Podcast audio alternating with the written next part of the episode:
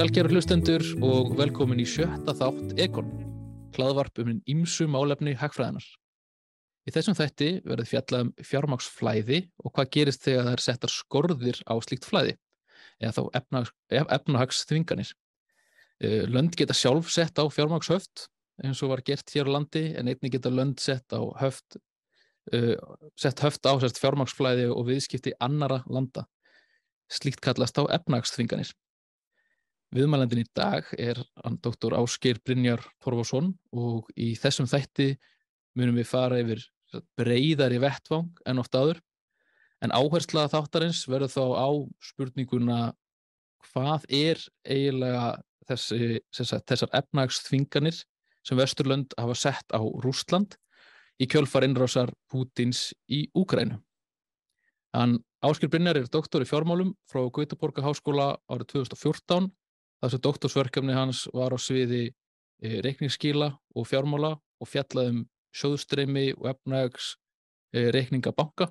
sem tengjast á inni umræðu um fjármaksflæði og þar með líka hömlur á fjármaksflæði. Velkomin þáttin Ásker. Takk fyrir að fá mig. Mér langar að byrja að spyrja þig aðeins bara út í sjálfa þig en eins og ég skil þá vinnur þú núna bara að ymsum verkefnum meðal annars ert í fjármáráði eh, sem fjallar um ofinber fjármál, ert í endurskoðunda nefnd stjórnar lífverðsjóða gildis og, og, og víðar. En ert þá kannski fyrst og fremst uh, hvað sjálfstæðstarfandi fræðumæður ráðgjafi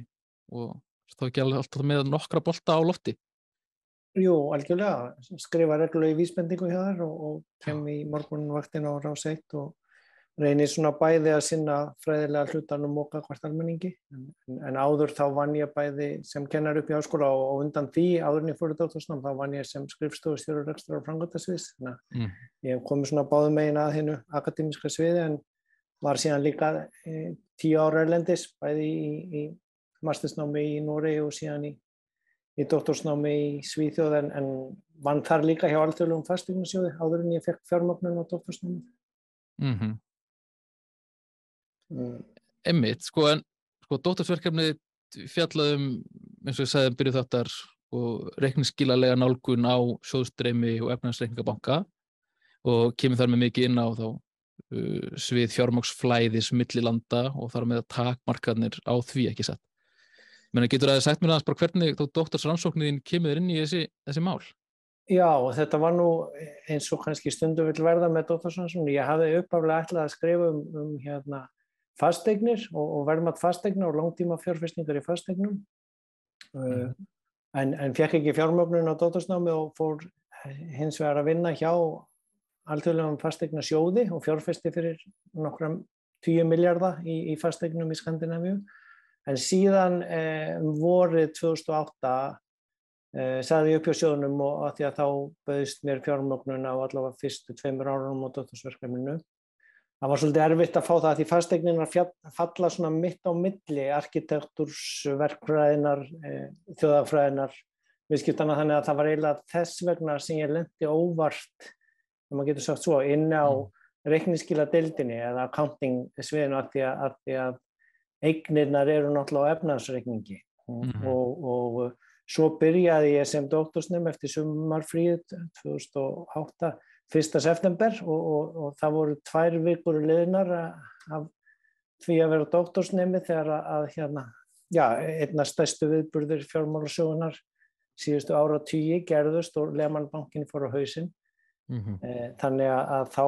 um, var það nú já, stuttu setna e, mikil áhuga á að fá mig inn í annan þverfærlegan rannsóknót þarna sem hafi fengið stóra fjármáknum fyrir mm, rannsóknaböngum Mm og, og uh, þannig að ég skrifaði reyndar lísensiatritgerð um langtíma fjárfestingarna í fastegnunum en, en þar sem að fjármögnun og því var takkmörkuð og áhuginn svo mikill á böngunum að þá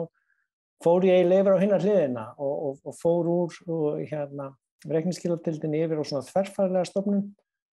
uh, og að því að þar fekk ég fjármögnum fyrir að rannsaka sjóðstreymið í, í böngum sem að var nú já, eðlilega hugmyndin að skoða með fasteignir, ja, maður, maður skoða rekstur fyrirtækina og sjóðströmmið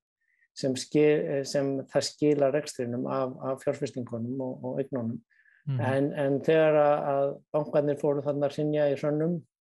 höstið 2008 og í framaldinu þegar fóru að koma skýslur, bæði gæltrúðarskýslur Lemans og, og skýslur eins og bandaríska Tingsins 2010 og náttúrulega svona skýslun hér.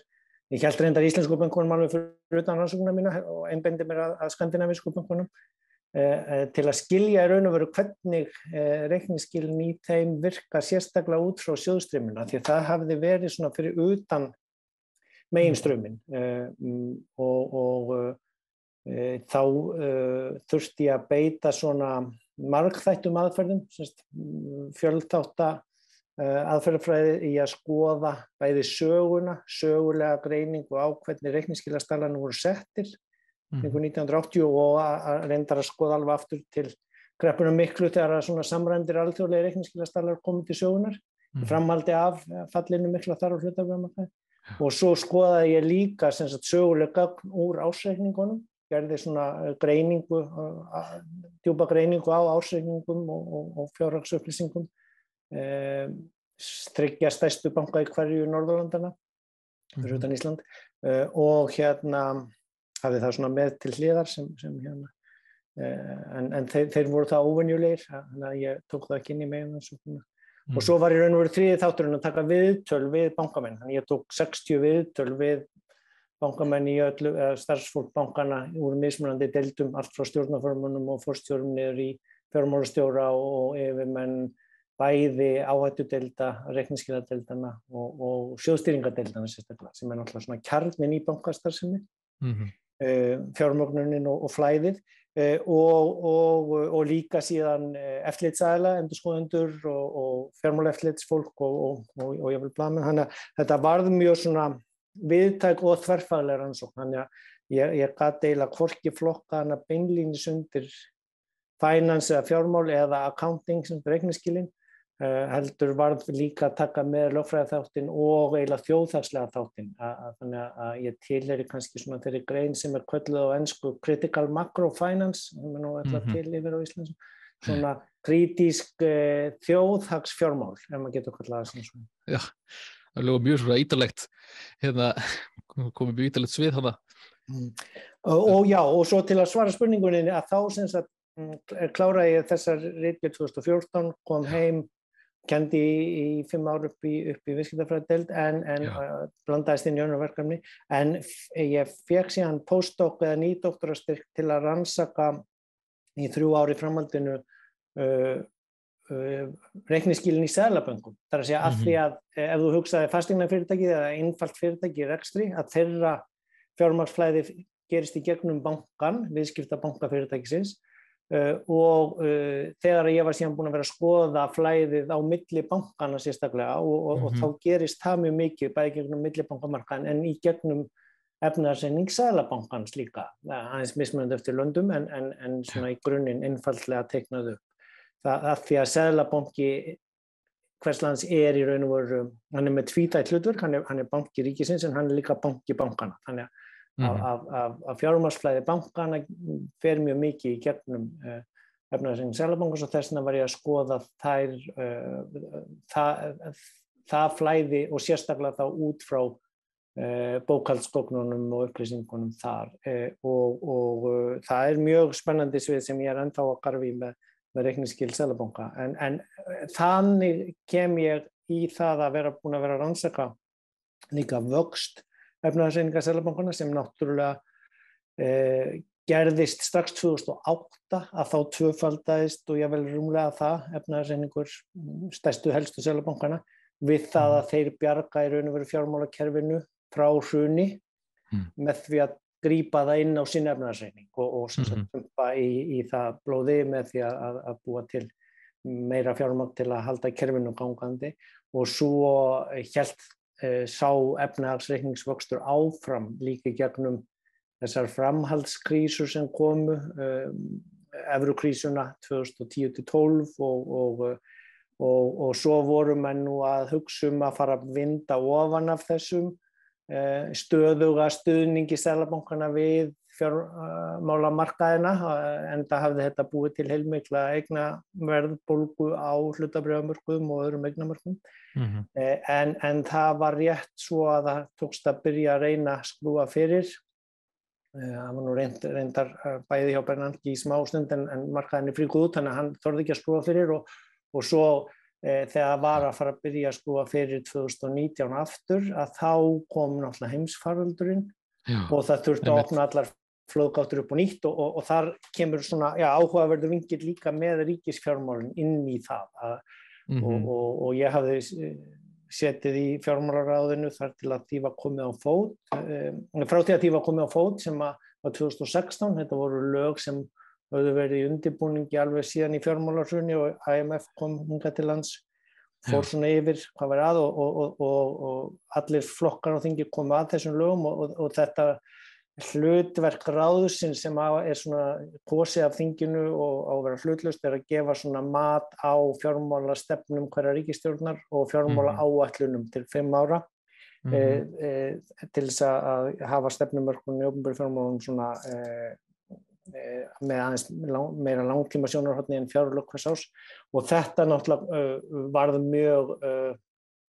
já, spennandi svið þegar heimsfaldurinn kemur á og allir ríkissjóðir heims þurfa að fara að pumpa út penningum í viðbútt við það að, mm -hmm. að selabankunum voru búin að gera það fyrir fjármálakerfið og allar fjármálareglur eru teknar og gildi e, e, tímabundið e, við faraldurinn mm -hmm. og mhm. svo þegar að, að við erum að vera komin út úr faraldrinum og á að fara að reyna að taka til í þessu bókaldi að þá byrjar þetta stríð. Já og, og uh, já, þannig að, að það er svona þannig sem ég uh, já, fór að fylgjast allt og mikið með því það er að segja efnagslega séð að, að mm -hmm. því að þetta tengdist í raun og verið þessum tveimur þáttum sem ég hafði verið að rannsaka í alveg, alveg 6, 8, 10 ár mm -hmm. Emmitt, sko, Emmitt en þá líka bara aðeins af þá Emmitt efnagsþvingurum sem eru þá voru þá hérna, í kjölfarið setta þá úr Úsland og, og hafið þá áhrif á allt heimishagkerfið sko. en, en mér langar þá að byrja aðeins að við fyrir dýbra inn í þær þvingarinn en þá bara aðeins bara um bara sjálfur efnagast þvingarir sko. getur þú útskýrt aðeins bara hvernig þær eru bara uh, settar upp og þá kannski sérstaklega þær sem eru þá gegn uh, Rúslandi og minna er ekki hjá mér að það er að veist, taka mið af þetta, fyrri þvingunum sem hefur verið settar á en líka bara hannar þess að sérstaklega með það í huga að láta þá efna meiri einstaklinga í Rúslands þá, þá sem er við stjórn sko, finna þá meira fyrir þeim Jú, sko uh, þetta var, var nú alls ekkert mitt sérsvið og, og stjórnmórnafræðin og þess að það sem hafa skoðað þetta lengi Já. hérna ymmit uh, sögðu það ymmit þannig í byrjun að þetta væri nú Eh, já, ekki í raun og veru mjög skilvirkleið til að láta virka. Uh, og, og það var nú bara hrein tilvílun, það var nýjútkomin bók frá, uh, eftir Nikolás Mulder sem hefði verið í doktorsnám á sama tíma og ég og ég hafði hitt oft á, á hérna, ráðstöfnum og kannadist við og bara mm -hmm. nokkrum mánuðum á því stríði byrjar þá gaf hann út þessa bók sem byggði á doktorsanskunni hans og, og ég var búin að kaupa hann á kindlun og byrja að lesa hana sko, uh, bara að því að ég kannast við hann og, og það er mjög áhugaverð söguleg greining þar í, í allt, allt frá því að í, í heimstyrjöldunum að er, þetta notað sem vopn og mm -hmm. ef við snúum okkur að stríðinu núna í Úkrænu að þá var náttúrulega búið að vera að beita efnæðstringunum allt frá 2014 þegar innrásin á Krím byrjar. Einmitt, einmitt. Þær höfðu, getur maður kannski sagt, eh, ekkert virkað eh, sérlega eða nægilega vel af því að, já, eh, ég held að við höfum hægt að hérna, geta selgt fyrst til Rúslands en við seldum hann bara til Kvítarúslands í staðin og, og, og, og það er eiginlega svona Eh, já, rúsneska stálið sem við flutum inn, það kom bara í gegnum Kvítarúsland líka og ólust hvort það sé kvítarúsnest stáli eða, eða skýtugt brúnt, grátt, svart stál frá Rúslandi sem kemur þar í gerð. Þannig að þetta er svona eh, lísidæmi á vandanum vefnaðstungarnir. Mm -hmm. um, og, og hinn vandin sem að, er náttúrulega að þær bytna kannski oft á þeim sem sískildi, en mm -hmm. það sem að var merkilegt þarna strax þegar stríðið sinn hefst að, að sko eitt er að, að það var náttúrulega búin að vera að byggjast upp þarna liðsöfnuður 200.000 hermana á landamærum og markaðir voru alveg byrjaðið að prísa inn þessa áhættu og vera órólegir eh, en, eh, en það sem kom meil í ljós bara við innrásin er að, náttúrulega bæði að, að hann þarna stríðsherran í Kreml var náttúrulega búin að sapna í stríðskistur bæði byrðum og, og, og alls konar búnaði mm -hmm. auk þess sem að fingarnir frá 2014 hafðu náttúrulega valdið því að þeir voru bara farinir að rækta geitur og búa til sín geitaost sem þeir mátti ekki flytja inn eða, eða, eða vínræktun og fleira þessum þar þannig að, að það getur gert á nokkrum árum að byggja upp svona þær vörur sem þeir vantar eða sem færði ekki út af þingurunum en það sem e, stóri punkturinn, mikilvægi punkturinn og svona viss vendipunktur í þessu tíð var held ég það annars vegar að það var farið aðgerðir beint á ólíkarkana mm -hmm, með eigna uh, upptöku eða fristingu eigna þeirra uh, mm -hmm. svo voru þessar hefðbundu aðgerðir bara að, að banna að flytja flugvila vararhluti og náttúrulega uh, í hluti sem nýtast í herrgrunarframleyslu til að reyna, mhm. reyna að stöða það En eins og þú sagði kannski þeir eru aðlæðið sig einhverju leiti að þeim þvingurum nú þegar og var kannski, mitt, já, kannski og, og, og, já Já, og, og gáttu kefta eftir öðrum leiðum og áttu kannski helmingi af því að, en, en það sem að eh, var þriði punkturinn sem var það mhm. mikilvægasta sem að maður hafiði aldrei sjáður og sem var það sem vakti minna á, mhm. áhuga aðtikla að því ég hafi verið að horfa á efnaðarsreikningana í sælabrankunum út um allan heim, ekkert út svo stríði, er að svo aðgerð sem er ákveðin hana helgina eftir innrásinni 2004. og 5. degi til fyrstafs en helgina 27. og 7. februar, er bara, það er bara hálft ár síðan, að þá Já. næst samkomla um meðal helstu leitt og heims og, og, og það eru til núna bakgrunnsögunum það að, að sko e, e, það þurfti að Jallen og Draghi þurftu að ringjast á og, og það, það varða að ná öllum stóru selaböngunum saman í að standa saman að því að frista í raun og veru gjaldarisforða uh, rússana, rúsneska selabankans í uh, selaböngum viða um heim og þetta er náttúrulega eigna upptaka sem að uh, já, eða eigna fristing skulum við segja, hún, hún verður kannski ekki eignu upptaka, það er spurning hvort henni verður skilað ekki en það er búið að frista eigninar allavega mm -hmm. og mhm. þetta er náttúrulega ríkis eign gjaldarisforði uh, hvers land sem, sem að þetta hafði reynda sérst í mávælu mæli varðandi, varðandi Afganistan og, og, hérna, og þar var jáfnvel búið að gefa svona smá, smá hint eða signala sem að, að taka hluta því upp í, í skadabætur til fórnarlampa, tvíbjörnuturna ára og svona, þannig að, að mögulega verður undið ofan af þessu þegar að stríðinu líkur með því að taka þá þessar eignir upp í einhvers konar mm -hmm. stríðskapætur en maður vill vera spekular svona í því en, en þetta var aðgerð sem að var svo stór, svo alþjóðleg og, og í raun og veru viss svona game changer eins og ég sé eh, lítið á það að, ná því uh, að, að hafa áhrif, hvað maður að segja, út fyrir vývöldlinn eða færa vývöldlinn inn á svið, reikniskíla, lögfræði og, og svona bókaldsinn inn í, í selaböngum. Emmitt, ég meina sko, emmitt eins og þú segir þetta nefnir að þetta er þú veist einhvers konar svona efnagslegt vopn sem hefur verið að beita. Og við myndum að færa vývöldin og við myndum hvernig voru það sko. En, uh, en ég meina það er samt ég held að mér sé alveg til dærulega svona óhætt að segja samt á, veist, á þessum tíma þá veist, hafa það samt ekki endilega skila þeim árangri endilega sem að búist við. Þú veist, þú ætti að hafa verið öðruvísi heldur en að gera áður en þú veist ég meina það er ekki, það er ennþá stríð og það stöðu ekki innrásuna eða neirar þingari sko en en, en, en en ég held sko annars vegar uh, þetta er náttúrulega bara ég, þetta er tilgáta ég, ég, ég get ekki -hmm. sannlega að annars vegar held ég að þetta sem sjokkar að markaðarna svona mikið gerði bæði sko uh, fjármálakrass inn á rúsneska eh, fjármálamarkaðnum mm -hmm. hins vegar viðbröð rúsneska sælabankans uh, unnu gegn því, þú veist, þannig að baráttan eh, hérna, það voru aðgerðir og, og mótaðgerðir og, og, og þess að þeir settu mm -hmm. náttúrulega upp sín höft, skil, settu upp skila, skilda og gældeiri eins og við konumst við hér, hérna úr, úr, frá okkar haftatíma eh, mm -hmm. og, og, og fleira þess að það eh, og, og síðan eh, sko, breyti fólk neyslu sinni veist, þannig að það var ekki að kaupa eins mikið utan. en ég held að þetta tilgáðum eins og ég held að þessi stóra alþjóðlega aðgerð hafi samt leitt til þess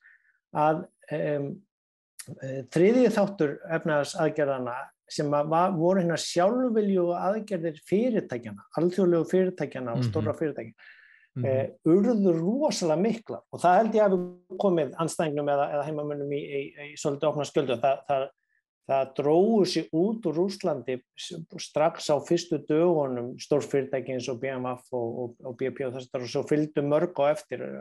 alþjóðlegu reikningskila fyrirtækin og alþjóðlega mm -hmm. ráðgjáðstofunar og svo McDonalds og þannig að, sko, að það fór í reynu verið gang flóðbylgja viðbótar þvingana eða, eða það bara að, að dissa það ágefa skýti það og, og, og, og loka eh, þannig að það, það hafði áhrif. Síðan held ég að maður verði að skoða sko langtíma e, þáttin af þessu. Að, að, það eru fréttir núna nýlega búin að koma fram um að nú fer flugflotinn í Rúslandi að stöðvast af því að varar hlutaskiptin sem að þeir fengi ekki að kaupa síðustu sörnmáni mm -hmm. það fyrir að koma að þeim núna eða þá að fólk að hætta að vilja fljúa með, með flugunum sem er ekki með uppfærðum búnaði. En, en, en ég held sko að, að náttúrulega kjarnin í því af hverju þetta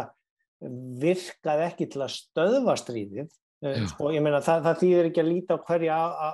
orustu sem misefnaði af því að þeirri orustu tekst ekki að stoppa stríðið. Það, eh, eh, það, það sem er náttúrulega líkil atriði í því að þessar efnaðstunganir hafi ekki dugað mm -hmm. er undanþáan á orkusölunni þar að segja óljan og sérstaklega gas sem að, sem að, hérna er nú sko var fljóðlega tilkynntum uh, stöðun á að kaupa óljuna en það er fasað inn þannig að mm -hmm. ólju til dæmis kaupa bannið tekur ekki fullan effekt fyrir um næstu ára mót eh, og gasið eh, tekur bara marga mánuði að finna aðrar leiðir til að kaupa sko. þú, þú er átt á því að, að mm -hmm. það að flytja gas á, á vökuaformi með tankskipum er bara tíu ára gómið uppfinning og, og það þarf sérhæðan búnað í sérstökum höfnum til að taka á mótið því. Og, og, já, og svo þarf að byggja þær höfnir og það þarf að skaffa fleiri mm. skip og þú getur ekki stöðvað þýskan yðnað sem að er beinleins bara háðurgæsinu þannig að það hefur náttúrulega gert það verkum að e, já, mm -hmm. e, að öll, öll koffort í Moskvu haldi áfram að fyllast af peningum að því bæði fer eingaverðið upp á, á gasinu og, oljunni mm -hmm. og, um, uh, og, og það er undan því viðskiptaþingur nú þannig að, að, að það flæðir inn peningur til Rúslands á móti gasinu sem flæðir út. Einmitt eins og maður hýrta sko að, að hérna hvað sem er að Rúsland, styrk Rúsland farir bara eftir ólíverði sko, stóru mikill hérna björnið þannig að það er ólíverða hátt og svo þegar það lekkar þá eru þeir ekki öflugir sko og já, sjáum, sjáum að líka bara núna sko, að minna, í fréttum þótt að séu eh, efnaðastvingarnir og, þvingarna á Rús, Rúslandi en þá er eitthvað eins og Pútin sjálfur sittu við hérna vendið sko eða valvin hérna til, á ólínin til hérna Þískaland sko og er bara að hóta að skrúa alveg fyrir öllu, öllu og, þá, og það, sé, það er svona power sko sem er þar. Já, já, mjög mikið og, og já, við erum hérna núna í lok ágúst og uh, það eru sex mánuðir búinir af, af þessu bjöfitan stríði en, en mm. veturinn nálgast sko, og, og, og kuldin sem því sem honum fylgir kallar á enn meiri gasnótkun í upphittun í, í Evrópu, Norðurhluta Evrópa allavega. Einmitt. Eh, og þá kemur pressan á sko, eh, ekki bara á viðskiptin og efnaðarslífi í, í Þísklandi og Östuríki og fleiri löndun heldur eh, að kemur enn meira þýstingur á pólitíkina líka þegar almenningur fyrir að verða já, meira heldur en bara þessi dýrar að fylla á tankin á bílnum heldur líka orkureikningurinn. Eh, og þetta eru að sjá nú, nú þegar í, í Breitlandi að það sem er verið að fara ákveða orkuverði núna í lokmánaðins fyrir, fyrir oktoberreikningin og ríkisjóðir víða um heim að koma inn mm. með gífurleg fjárútlát í að reyna að halda orku uh, kostnaði heimila niðri í Mhm. viðbútt við uh, gífurleg fjárútlót til hermálana, bæði til einn varna en líka útgjöld hreinlega í uh, þann búnað og stöðning sem er verið að senda til Úkræn. Þannig að það, það, það er þessi tenging í raun og veru fjármálana bæði ofinböru ríkisfjármálana og, og, og ef, efnaðarsreikninga selabankana uh, sem, sem verður í, í svona stríðsástandi uh, öðruvísi enn í venjulega ástandi. Við sáum svolítið um, svona mín í útgáðan af því í heimsfaraldin, að því þá í raun og verum á að segja að ríkisjóðir hafi farið í war finance mode sem, kalla, segja, sem við höfum ekkert séð og flestir voru búin að gleyma og, og, og, ekkert verið að læra að kenna um í hefbundnum hagfræða vistnafræði kenningum en, en það er í raun og veru þá sem að selabankar verða bankar ríkisjóðana í stríðsástandi og það verður ekkert, ekkert mál að kaupa eh, nefnpinna fyrir miljard þó það hafi verið heilmikið mál að auka fjárframlög til geðdeldar um 100 miljónir. Mhm. Allt í hennu verður ekkert mál að gera tíu sinni meira í að kaupa einhverja nef sínatökupinna. Þannig að það er beinlínis dæmi um, um, um uh, hernaðarfjármál. Það, það verður ekkert stórmála að, fjármagna stríð þegar að stríðsástandi er. En, en, en, en þá, já, þá er gott að hafa lært sögu eða kunna söguna vel og þá kemur í raun og veru ljós líka gagnið af svona það sem sumum finnst kannski gagslausar sakfræðaransóknir á efnaðarstringunum úr fyrrastriði og setni heimströld en, það er þar sem að. Sannleikurinn einmitt, ná- ná- talandi um það sko, mér langaði að líka bara spyrja út í bók um sagfræðingsins Nikolás Mölder sem að þú myndist á hérna áðan. Uh, The Economic Weapon The Rise of Sanction as a Tool of Modern War eða ekki? Mm. uh, þar kemur fram, ég mun ekki sagt að í, í gegnum söguna hafa efnaðarsvinganir ekki dreigið úr milliríkja spennu heldur aukið hana frekar uh, efnaðarsvinganir aukið þar sko, frekar einangrun þjóða og fólksins og gera það bara stjórnvöldum auðveldara fyrir þá ná og, eða þá halda völdum innanlands Mm. er þetta ekki líka það sem við erum að sjá gerast eitthvað leiti í Rúslandi? Jú, jú, það var í fréttum bara í vikunni held ég um að ein- einhver, einhver samkomulag Rúslands við Norður Kóru, þannig að það er svona lík, líkir sækja líkan heim þá í því. Uh, sko, og, og þetta er alveg rétt og þetta er alveg kannski greiningin líka á því hvernig það tókst ekki að fyrirbyggja innrásina eftir innrásina í, í, á Krímskaga Mm með þvingununum. En, en, en um, e, það sem er kannski mjög finnst mikilvægast er að sko líka sem Nikolás Bellindir á sko, þetta, þetta náttúrulega bytnar á endanum eins og öll stríðsátök sama hvort það eru efnagslegu stríðsátök eða, eða hinn hefðbundu sæðilegu stríðsátök þau bytna einna mest á almenningi saklausum, mm. svona casualties of the world, saklausum borgurum. Sem eru Sama- valda minnstir kannski. Já, og, og, og hérna það verður að sprengja niður íbúðunar þeirra í, í borgunum í Úkrænu og það er verið að skemma efnahag og, og framtíð e, ungs fólks í Rúslandi með, Mhm. með þungununum þannig að, þannig að, að, að það er ekki já, hvorki fallegt nýja, hvað maður að segja e, neitt góð leið eða rétt leið en, en sko, þess vegna held ég að engin í raun og veru vilji stríð það tapa allir á stríði sama hvort Mhm. megin výlinunar sama hvort það er í, í raunverulegum húsegnum sem springa á hrinja eða brúm eða öðru e, innviðum e, eða, eða á hennu efnarslega sviði þannig Mhm. að mm, e, það, það, það er og við sjáum það náttúrulega síðan núna e, sko að að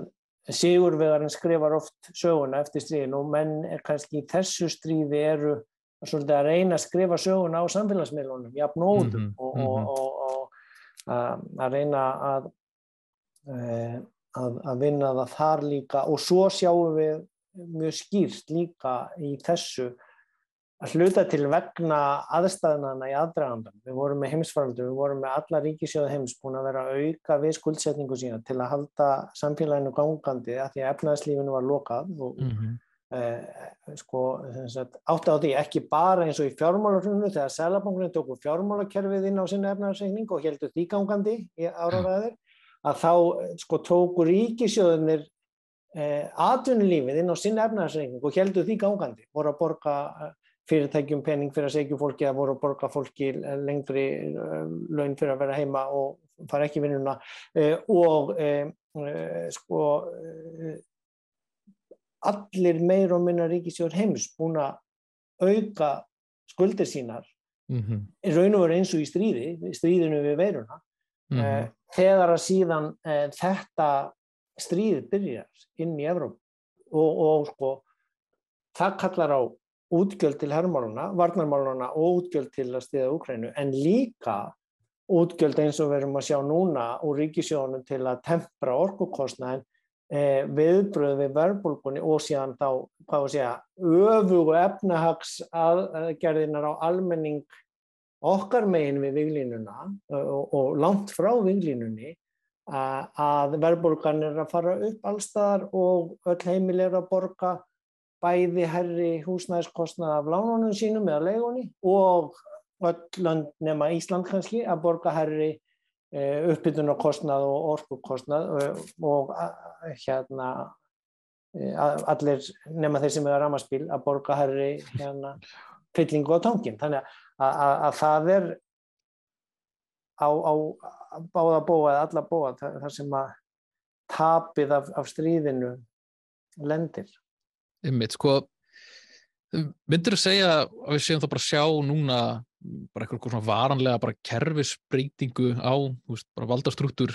í, í heiminum. Sko, ég veit að þetta er frekar stór spurning sko, en, en, en bara til þess að vitna í hérna,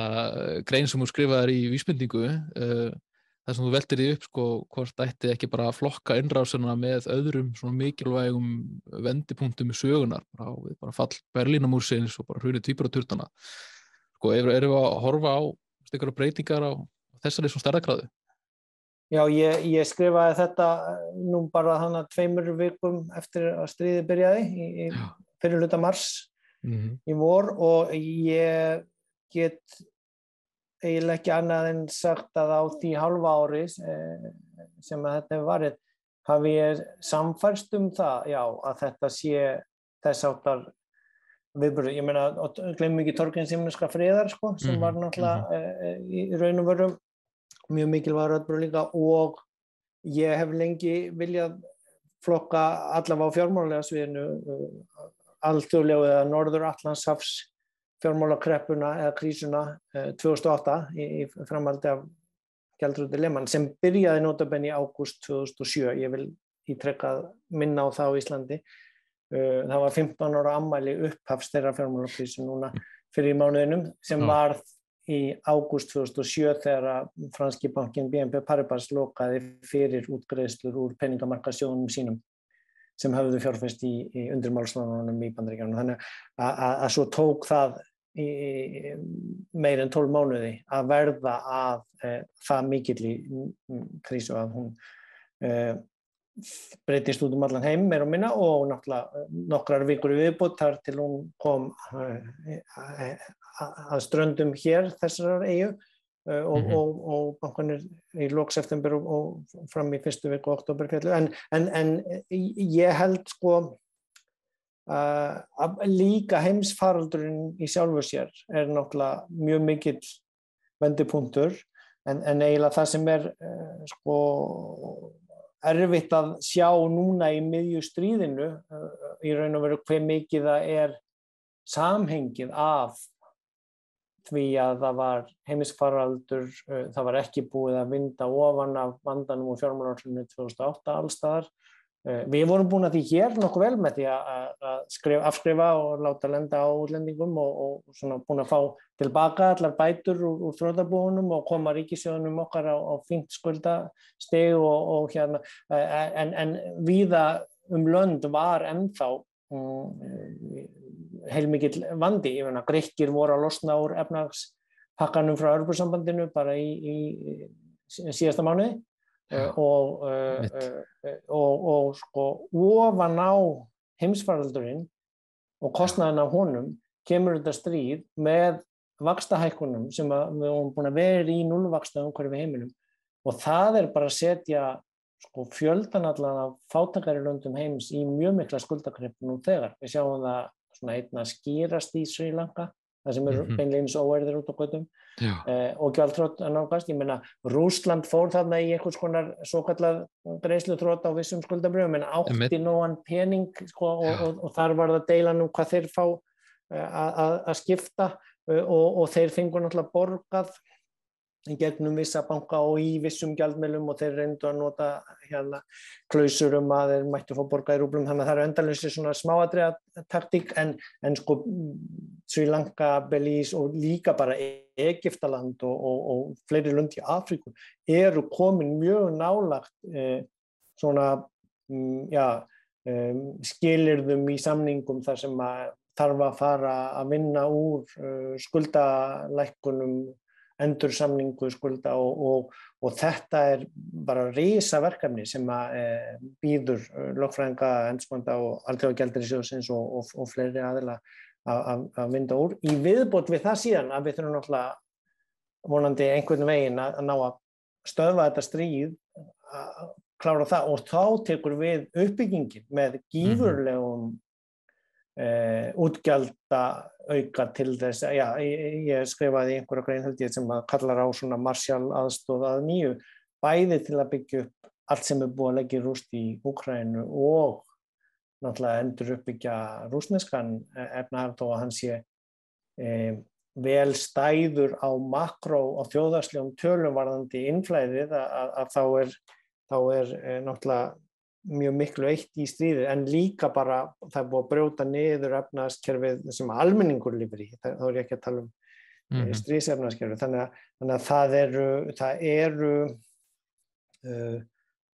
rosalegir tímar sko, framundan líka sem við erum bara í miðjun á. Ofan á þetta allt kemur síðan það sem ég hef kallað uh, polycrisis eða fjöldáttakrísa og ég hef frá, frá hérna, Adam Tooze sakræðingnum uh, sem er mjög góður greinandi í þessu svona samtímasakfræði eh, eh, líkt og, og Guðni Fórsenduvor sem skrifaði hrunið ári eftir fjármálarhrunið og þá skrifaði Adam Tooze bók sem heitir Crust. Tíu árum eftir eh, fjármálarhrunið hann hefur verið að gefa út núna mikið að greinum og mér sé að bók um, um heimsfaraldurinn og, og er að vinna að bók um Eh, loftdagsvandan og, og, og, og vandin við þessa fjöldþáttaða polykræsis krísu sem erum í núna, það koma öll þessi mismunandi rosalega vandamál upp á sama tíma ofan í hvort annað og vandin verður meiri í raun og veru heldur en summan af hverju vandamáli eh, mm, lagt í hvort annað. Og, og það er, já, sem við sjáum til dæmis, það voru kannski eftir heimsvaraldurinn hugmyndur um að koma á New Green Deal í Evrópu Um, Bætin var að reyna að koma í gegn líka heilmiklum umhverfis lofslags klæmatpakka uh, til að fara úr óhreinu orkunni yfir í hreitni orku. Uh, síðan kemur stríð og þá er náttúrulega allir ennþá að kaupa oljuna, jáfnveg til hún hækki verði og það verður frestun á því að byggja upp sumt af því en það er líka möguleiki til að flýta því. Þannig að, að við sjáum mm. alveg möguleikana á að hraða uh, uppbyggingunni á orkusskiptunum uh, í bílaflótanum til dæmis. Og uh, við um Evrópu það var byrjað um, að, að bæta einangrun húsa og, og þess að þar, þar sem hluti af pakkanum í endur uppbyggingu eftir heimsfaraldurinn. En þetta tekur allt tíma og, og við eiginlega höfum ekki tíma núna að því, því markaðurinn eru farnir út og söður búin að tapa sér í, í, í óvissunni og verðið er búin að fara út úr öllu valdi, það er svo sem farið að koma niður núna, kornverðið og, oljuverðið að því að, að, að markaðir þó að markaðir geti verið skilverki þá minn ég á þeir eru bara skilverki svona um það byl 90% af tímanum samkvæmt fyrir blak. Oh. 10% tímans fara þeir út úr, út úr korti og, og hans skilgreining á skilvirkni marka var eh, innan faktor 2 þar að segja að það verður getur flögt úr 50 upp í 200 ef að 100 er einhvers konar miðverð. Þannig að, að, að 10% tíma fara, fara, er út úr tíbili sko, og þá eru köptækifæri eða sölutækifæri þannig að það er náttúrulega uh, eftir síðan þá, þá losun á ríkisfjármálum sem varðum allan heim í heimsfjáraldrinum rosalega mikið krafa núna frá almenningi og jáfnvel fyrirtækjum um stuðning frá, frá ríkisfjármálunum inn í þessa hækkuðu þessi hækkuðu útgjöld vegna orku og, og annara þannig að, þannig að vandin eh, af, af uh, þessu bætist við kröfuna eila sem lofslagskrísan gerir ákur og væri nóg að kljást við mm -hmm. án stríðs og heimsvaraldurs og, og allra afleðingan af því sem við sittum upp með. Þannig að, þannig að þetta er, þetta er uh, já, að mínu áleti já, heimsögulegi tímar og, og við erum ekki farin að sjá út úr þeim en við sjáum já, áskoran er líka möguleika þá til að breyta. Og spurningin er bara ætlum að láta þær breytingar verða eh, okkur í hag, eh, umhverjum í hag, fyrir almannahag eða, eða eiga þær breytingar að koma bara til hagspúta fyrir uh, ólíkarkana, óljuöðlunda þjóðirnar eða uh, eitthvað þess að það stýðisherrana. Bara, mér finnst þetta bara mjög flott svona spá svona lókja okkur sko, ég ætla ekki að taka þetta mikið lengra, mér langar bara aðeins bara, takka bara fyrir mjög góð svör og bara útskýra þetta mál fyrir okkur uh, en bara langar að enda þetta áttum Já, já má ég bara bæta einu Jú, einum bæ, bæ, glendi, sko, Já, bæta einu við, já, endla að því það gerist bara í, í, í upphafið þessa mánuðar sko, að því að, alþjóðlega reiknaskilaráðið eh, saminæðist eh, alþjóðlega sjálfbærni staðlaráðinu Uh, og, og, og þetta er svona gefur von allavega, maður á eftir að sjá það gerast en, en, en ég var að vísi sko að, að frá því kreppunni miklu og, og hlutabrjáðsunu 1930 Já. að þá urðu til alþjóðlegi stæla til að, að samræma fjármálakerfið, að núna mm -hmm. sjáum við möguleikana á því eftir þennan samruna að það verði inn í reikniskílinn samþægt uh, umhverjus uh, sjálfbærni mm -hmm. upplýsingum þannig að það sé ekki bara hagnaðurinn eða fjárhansupplýsingarna einar og sér sem ráði gjörðum heldur líka þessir eh, viðbútarþættir og samþætt reikningskil þannig að, að það er e, möguleikja og þetta, þetta var náttúrulega í gangi síðasta haustýtingslu við Glasgow og, og e, saminu þjóða skýrslunar en, en, en það er möguleikja á að þessar breytingar hraðist í raun og veru út af þessu óvissu ástandi og, og á þess að ég ætla að nefna eitthvað NATO og hernaðarbröltið að þá held ég að við sjáum í Evrópu mjög mikla og hraða breytingu líka uh, varðandi sko þróun sambandsins, þó að það sé alltaf undir ógt þegar það er svona innrásin í það mm -hmm. og, mhm. og uh, umræðan hlýtur að fara almennileg gang held ég aftur uh, hérlendis líka varðandi það, hvort við ætlum að vera með eða móti að því við sjáum breytana Eh, sem fóru út úr sambandinu Já. vera að fara núna efnaðslega einna vest út úr því því þeir eru að fá ofan á alla þessa fjölþáttakrísu sem ég var að tala um mm. afleggingarnar af 2016 kostningunni sinnum um Brexit þar sem að efnaðsáhrifin af því koma ofan á allt hitt og, og, og vandin í raun og veru ekst enn meira þannig að já, þetta var svona um, uh, ekki það ég ætla að mála þetta enn svarta en ég vildi koma þessu reikniskilastala breytingum og möguleikanum af þeim og sem sagt vít fókusins út fyrir fjármálinn yfir og umhverfið sem að mögulega getur gerst hraðar ef ef ef að þetta stríð fyrir að enda. Einmitt. Nei, þetta er allt mjög áhugavert og bara aftur bara takk fyrir að hérna bara einmitt að segja frá þessu og svara, svara spurningunum í mm, mínum Já, sko. Skemmtilegt, goða spurningar. Já, takk. Sko, við náttúrulega bara enda þetta bara aðeins bara, hvað tekur við næst hjá þér? Já, það er, ég þegar að, þegar að þingið kemur saman næst þá reikna ég með að verði kosið nýtt fjármálaráð eh, og, og þá, þá losna ég endalega undan þeim hérna hvöðum sem hafa verið í, í sex ár maður má bara vera 2-3 ára tímabill í, í röð eh, og, og eh, ég er nú bara að fara í næstu vikur endar e, til Kaupanrafnar í Jónsús. Ég fyrir útlutað rannsóknar íbúð þar í, og er að fara í samstarfi við eh, danskan profesor að vinna aðrannsókn varðandi fjármálareglurnar eh, fyrir ofinböru fjármálinn eh, í evrópsku sammengi og, og, og með hlýðsjón af okkar reglum sem er aðeins öðruvísi en, en evrópsku reglunar eh, varðandi sérstaklega sem er mjög mikil umræð út í Evrópu um breytingarnar á þessum fjármálareglum um fjármálins ofinbæra núna eftir eh, Já, það var uppáflega eftir heimsfaraldurinn þegar það ætti að koma